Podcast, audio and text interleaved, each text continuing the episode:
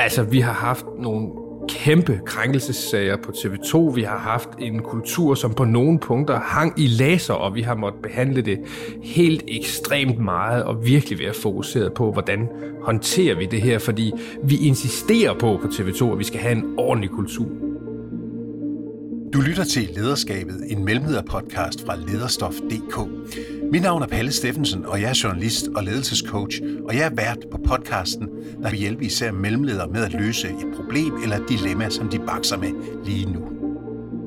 I hvert afsnit får jeg besøg af en mellemleder, der vil sætte ord på nogle af de udfordringer, der følger med, når man skal lede både op og ned, og derfor tit bliver fanget i et krydspres. Til sidst i podcasten vil Michael Urenholdt, som du allerede kender fra podcasten, hjælpe med at sætte de udfordringer, som dagens gæst har præsenteret, i perspektiv. Han er ledelsesrådgiver hos lederne og har selv været leder i mere end 30 år. Michael Urenhold vil også give hver enkelt gæst nogle helt konkrete råd og anvisninger, der forhåbentlig kan være med til at gøre den pågældende mellemleders arbejdsliv lidt nemmere. Håbet er, at vi kan give alle jer, der lytter med, både inspiration og motivation til at blive endnu bedre mellemleder eller ledere i det hele taget, og nogle meget konkrete bud på, hvordan I overlever et arbejdsliv, hvor krydspres ofte er et grundvilkår. I dag har jeg besøg af Christian Bæk Josefsen, der er chefredaktør for TV2 Sporten.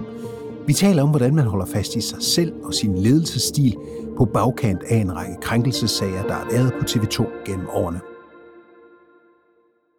Christian Bæk Josefsen, chefredaktør på TV2 Sporten.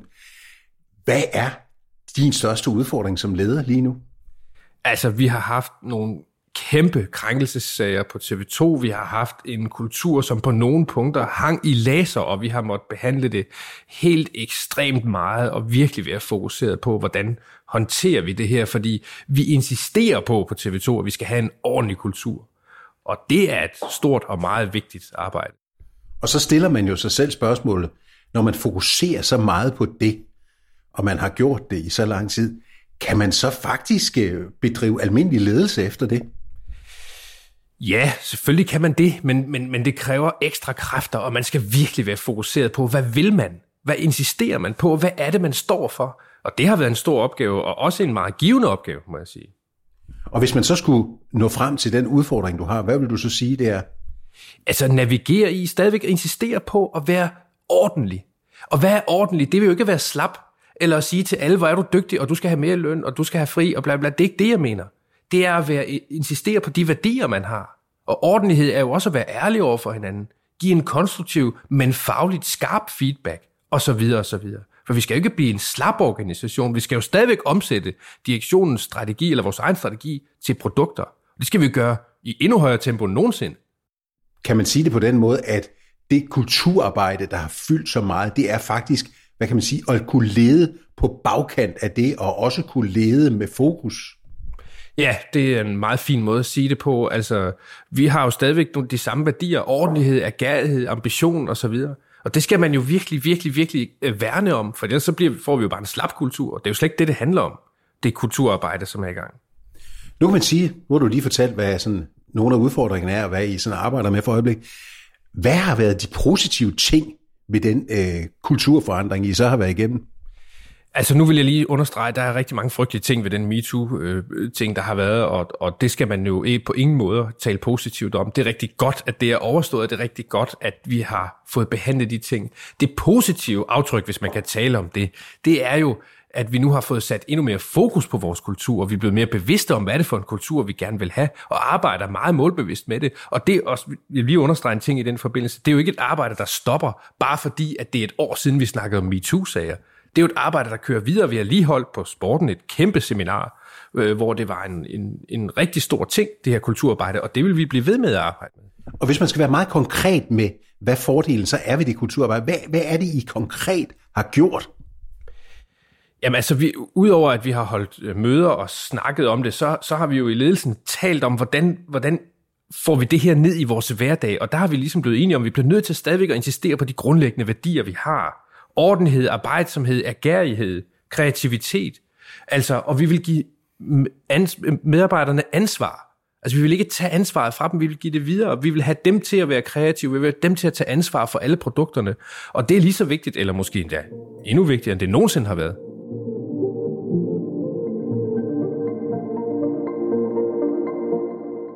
Christian Bæk Josefsen, chefredaktør på TV2 Sporten.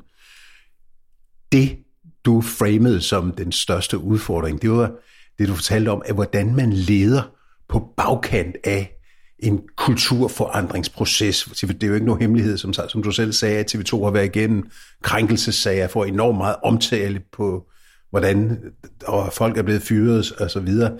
Så det har jo været en ordentlig omgang. Og hvordan bedriver man så ledelse? Kan man faktisk godt også være have jernhandsken på, om man så må sige, en gang imellem, når man så skal lede efter alt det, I har været igennem? Ja, det bliver man nødt til.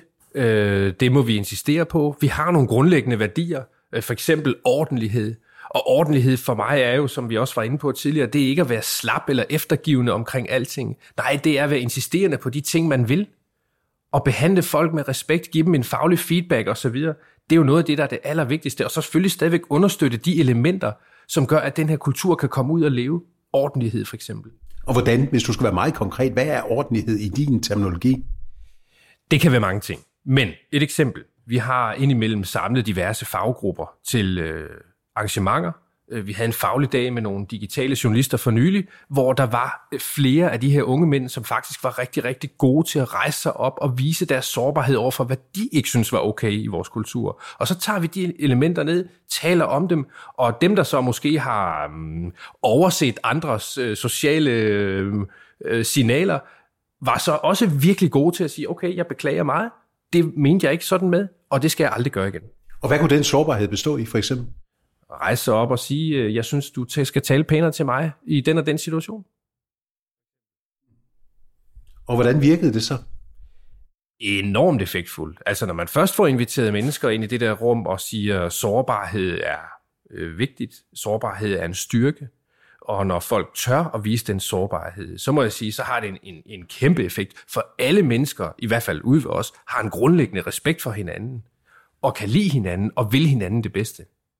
Og det der med, hvordan man taler til hinanden, jeg kan huske, at øh, vi har arbejdet sammen på et tidspunkt, hvor du fortalte mig, at i, i tv-verdenen har man for eksempel et newsroom, hvor man arbejder og så videre, og så kan man gå ud på gangen og så videre og lave noget andet, og så sagde du, du tolererer ikke, at man snakker privat inde i newsroom. Er det ikke rigtigt? Jo, altså, jamen det kan jeg ikke holde ud. Altså jeg, altså, jeg, kan, altså, jeg synes privat, det må man gå ud på gang og håndtere. Jeg kan egentlig godt øh, have, øh, med den måde, vi arbejder på, med så lange vagter og så videre, jeg kan godt have respekt for, at folk i løbet af den periode har nogle private ting, der skal håndteres. Men det går man udenfor at håndtere. Man sidder heller ikke med benene op på bordet inde i newsroom. Når man er i newsroom, så er man engageret, så udviser man ambition og agerighed for de produkter, vi skal arbejde med. Og det synes jeg er helt vildt vigtigt, og det er da ens pligt som kollega. Man får jo løn for at være der. Men, og det jeg så vil spørge dig om her på bagkanten, det, det er, kan man godt sådan måske alligevel sådan slække lidt på det, efter I har været igennem de der krænkelsesager og det gode tone osv., slækker man på sine principper så? Nej, det synes jeg faktisk ikke. Altså, det, det har jo klart været en overvejelse, en refleksion for mig også. Hvor skal jeg slække henne? Men det, jeg har fundet ud af, det, det er faktisk ikke det, det handler om. Det handler om at finde ud af, hvad er ret og rimeligt, og hvad er ordentligt. Og så handler det om at prøve at gå ud og gøre det. For eksempel ved at præmiere de mennesker, der behandler andre mennesker ordentligt. For eksempel ved at sige øh, til alle og til individer, vi er et sted, hvor vi skal behandle hinanden ordentligt, og det er rigtig vigtigt for os. Det er et parameter lige så vel som en faglig dygtighed er en parameter. Og det er bare, det er virkelig vigtigt. Øh, for eksempel så siger jeg til alle, vi ansætter, jeg kan ikke blive sur over, at du laver en fejl. Det kan ikke lade sig gøre. Øh, jeg kan kun blive sur eller skuffet over din arbejdsindsats, hvis du ikke har gjort dit bedste. Og der ligger jo en kæmpe forskel i den måde at tilgå det på. Og sådan har vi altid haft det. Og det er bare rigtig vigtigt at gentage det på den måde. Men er du samtidig efter, efter den her øh, kulturforandring, er du samtidig også selv kommet til at gå over stregen, hvor du kommer til at presse den lidt for kraftigt?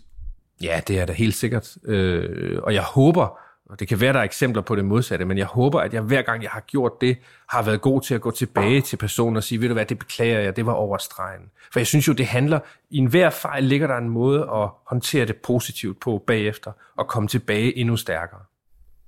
Og hvordan det? Jamen, hvis du for eksempel har haft en faglig debat, der blev lidt for ophedet om et emne, så kan man jo godt gå tilbage og sige, ved du hvad, det beklager jeg. Jeg tror, jeg tror, jeg kom til at tale lidt over mig. Det er, jeg har modelleret min holdning efterfølgende, og det, det må du undskylde. Eller hvad det, det er nu ikke så mange af de eksempler, vil jeg lige sige, men, men det kunne være et eksempel på noget, som jo er rigtig, rigtig vigtigt. Men Christian, kan man godt samtidig måske i sådan nogle situationer, efter det I har været igennem, og den kæmpe omtale, der var, blive bange for sin egen skygge som leder? Ja, det, der var i hvert fald en periode, hvor jeg reflekterede rigtig meget over det der, og så synes jeg, vi er landet et sted nu, hvor, hvor vi egentlig er blevet endnu skarpere på, hvad vi gerne vil stå for som ledelse, og hvor vi gerne vil hen med ledelsen. Så jeg synes, øh, hele processen har styrket os. Men har der været en periode øh, undervejs og efter, hvor det kørte, ja, øh, det, det har du ret i. Har du lavet nogle personlige forandringer i din ledelsesstil? Jeg tror, at de personlige forandringer, jeg har lavet i min ledelsesstil, handler mere om, at jeg har et meget højere bevidsthedsniveau på, hvad det er, jeg gør. Og hvad vil det sige? At jeg for eksempel har skrevet mine, mine, mine ledelsesprincipper ned. At vi har øh, hele TV2, det ved jeg ikke om øh, du eller andre er klar over, men hele TV2 har jo igennem direktionens arbejde været igennem et, et kæmpe stort strategiarbejde, som handler om ledelse, og hvad er det for værdier, vi har? Og de værdier svarer heldigvis en til en med mine værdier.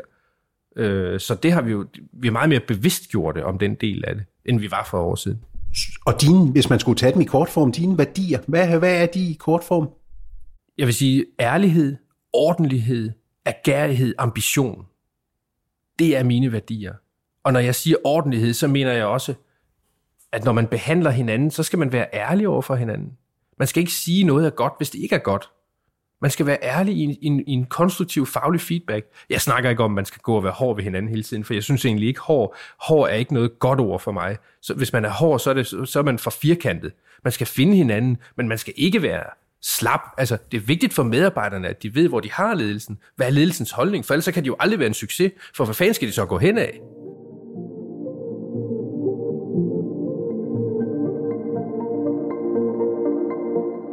Et af dine principper, øh, Christian, det er jo, at du bliver ikke sur, hvis folk laver fejl og har gjort sig umage.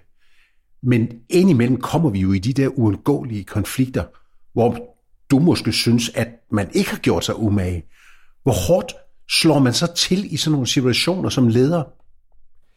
Jamen, jeg synes ikke, man slår hårdt til, men man tager en samtale om det. Og så siger man, hvad forventede jeg af, den, af dig i den her proces?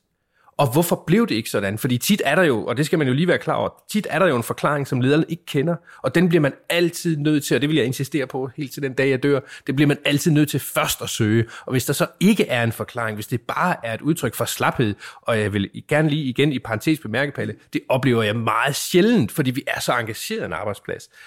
Hvis det er et udtryk for slaphed, så er det ikke okay. Men det er det meget, meget, meget sjældent. Nu taler vi meget, Christian, om den der den nye dig efter kulturforandringen. Og hvad har du sådan, hvad synes du selv, du har tilført din ledelse? Altså noget, jeg i hvert fald er blevet endnu mere opmærksom på, det er, at trampolinledelse, som man med et populært begreb kunne kalde det, det er virkelig farligt og uhensigtsmæssigt på alle planer i ledelse. Og jeg, når jeg siger trampolinledelse, så mener jeg den leder, der øh, den ene dag er helt nede i at se på øh, et helt konkret sportsresultat i en artikel, eller hvad det måtte være, og næste dag kun kan befinde sig på et strateginiveau. Øh, fordi så, øh, når lederen bevæger sig øh, på de der parametre øh, helt skiftende, så ved medarbejderne jo ikke, hvor de har ledelsen. Og hvad så? Og hvad er konsekvensen af det? Altså, den konsekvens, jeg oplever, det er, at så pacificerer du dine medarbejdere, fordi så forventer de, du, du kommer ned i materien og træffer beslutninger. Og så næste dag, så er du oppe i strategien, og så kan du slet ikke træffe beslutninger, fordi det matcher jo slet ikke med at være på de der helt store tanker. Så man, det er ekstremt vigtigt, synes jeg, at man bliver nødt til at finde sit leje for, hvor er man henne på den der skala og man kan ikke tillade sig at hoppe ned og så være væk igen. Hvis man hopper ned, så må man blive nede, eller så må man holde sig fra trampolinen. Men Christian, nu har du jo fortalt om, hvordan du har ledet efter kulturforandringsprojektet osv., men hvor ligger din største tvivl så nu som leder? Jamen altså, jeg tror, at min største tvivl lige nu vil være, øh, hvordan fordeler jeg min tid i min ledelse imellem ledelse nedad, ledelse til siden og ledelse opad. Øh, det kunne jeg godt tænke mig også at være lidt mere bevidst om, og være lidt mere professionaliseret omkring, fordi dagene har det jo med at gå med travlhed og ting, der skal fikses. Men hvordan, hvordan sørger man egentlig for, at man er den bedste, både med chef, chef for medarbejdere, men også øh, undersåt for den store kalif? Det er jeg, det tvivler jeg på. Ja, fordi at man sådan, du ved, altså nu har det været nødvendigt, at du har haft dit fokus på medarbejderne. Men når man har fokus et sted, så er der måske andre steder, man også lige pludselig bruger mindre tid. Jamen, der er i hvert fald ingen tvivl om, at uanset hvad man gør, så har man kun 100 point, man kan bruge hver dag, ikke? og så må du distribuere dem så godt som muligt. Og hvordan, hvordan man fordeler dem bedst, det, det, det, det vil være, tror jeg, sundt for mig at være endnu mere bevidst om.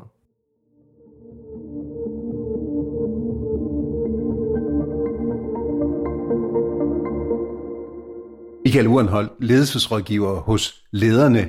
Nu hører vi Christian Bæk Josefsen, der er chef redaktør på TV2 Sporten, og som han siger, du har 100 point hver dag, så må du distribuere dem så godt som muligt. Han har jo brugt de fleste af sine point til at håndtere medarbejderne i lyset af de der krænkelsessager, der har været på TV2, og hele oprydningen efter dem. Hvad gør han nu? Hvordan skal han omstille sig til lige og, og så kunne noget andet kunne lede op og lede hen og så videre?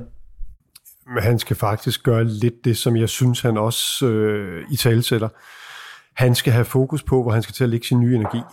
Og han har brugt rigtig meget på at håndtere medarbejdere, øh, mellemlederlag i det hele taget, fordi han har været ligesom deres repræsentant opad til. Han skal til at for det første bruge lidt mere tid på sig selv. Den chefrolle, han sidder i. Øh, man har ligesom fået håndteret det her, man er kommet videre. De har været på en kulturrejse. Og jeg tror et eller andet sted, alene den øh, omsorg, der er udvist fra ledelsen på at løse den her problem, der, eller det problem, der har været i forhold til deres interne kultur omkring krænkelser, har jo gjort, at, at de bliver skulle taget seriøst, også deres medarbejdere. Og når du siger, at han skal sådan tage sig af sig selv, hvad, er, hvad mener du egentlig med det? Jamen, du, så når du sidder som chef og har rigtig mange medarbejdere og, og leder i reference, så har du også behov for at have noget tid, både til dig selv, til, til, til her refleksion i det hele taget, men også til at øh, sætte nogle retninger for dig selv og nogle mål for dig selv. Så alt handler ikke om at slukke ildebrænde rundt omkring i systemet. Det er det, han har været med til at gøre nu. De har slukket en hunds masse ildebrænde. De har sat ny strategi på, på banen. De har været ude og bygge alt det her op, for ligesom at, at få TV2 Sport på et nyt spor. Og, øh, og det er gjort nu. Så jeg vil mene, at han skulle ud og have sat nogle streger sandet til, hvor vil han så henad med det her fra nu af. Det her, det er jo en kultur, det, det jo pågår hele tiden nu, nu taler vi jo meget om det der med at lede på bagkant af, af, den, øh, af de ting, der har foregået i fortiden på TV2, og hvordan man ligesom sætter en, en, en ny kultur. Men kan man også blive lidt håndsky, når man sådan skal sætte en ny kultur, fordi man er bange for, hvis jeg snakker med Christian om det der med, hvor hårdt kan man tale, hvor meget kan man sætte hælene i, og så videre. Ja, altså jeg, jeg forstår spørgsmålet, og, og jeg hørte også, at du har også stillet det til Christian. Og jeg synes egentlig, han er, er rimelig klar i spyttet, og jeg, jeg, jeg tænker med det samme, den har han i hvert fald tolket rigtigt. Du skal ikke begynde at være håndsky, du skal ikke øh, holde igen. Altså, hvis du bliver berøringsangst som chef, fordi der er en eller anden historisk episode, der er gået forud, så sætter du dig selv skak, Matt, i forhold til at tage de konflikter, der kommer. Så er han ligesom nødt til at rense tavlen og sige, nu har vi været der, vi har gjort alt, hvad vi kan for at håndtere de her problemstillinger, nu skal vi videre. Og derfor er han også nødt til at stille krav, som han selv siger. Man er nødt til at gøre tingene på en ambitiøs måde, og man er nødt til at og, øh, ja, simpelthen forvente, at folk de rykker. Michael, lad os snakke lidt mere om det der med, at øh, Christian, hvordan du ved, man tager sig af sig selv. Fordi han siger jo, nu skal jeg til at bruge tid på at tilfredsstille den store kalif, altså der sidder trods alt en chef lige over ham. Er det en god idé at begynde på det? det, er jo, det, er jo nok, det er jo nok nødvendigt, at man har de med i sine overvejelser. Men, men når jeg sagde det før, det her med, at han skulle bruge tid på sig selv, så er det jo ikke sagt, fordi han ikke skal bruge tid på sine medarbejdere. Han skal også bruge tid på, på sin chef.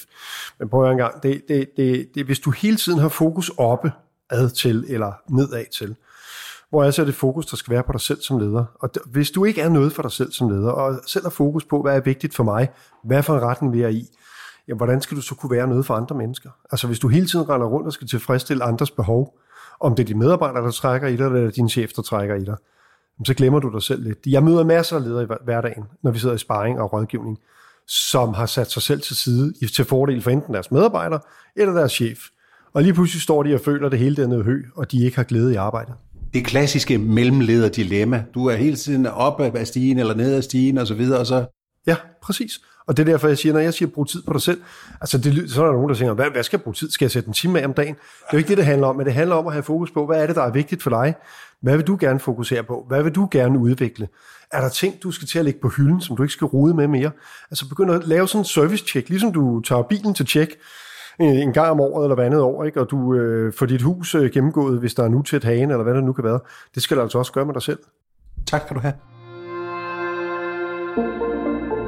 Du har lyttet til Lederskabet, en mellemleder-podcast med Palle Steffensen og Michael Urenholdt. I dag med Christian Bæk Josefsen, der er chefredaktør for TV2 Sporten. Vi håber, du er blevet inspireret af vores podcast, og husk, at vi har skrevet en artikel om Christians udfordringer og Michael Urenholds konkrete råd på lederstof.dk, hvor du også kan finde en masse andre artikler og podcasts, som klæder dig på med ny viden, konkrete værktøjer og perspektiver for andre ledere på alle niveauer. Lederstof.dk udgives af lederne, der er Danmarks største interessefællesskab for ledere med omkring 130.000 medlemmer.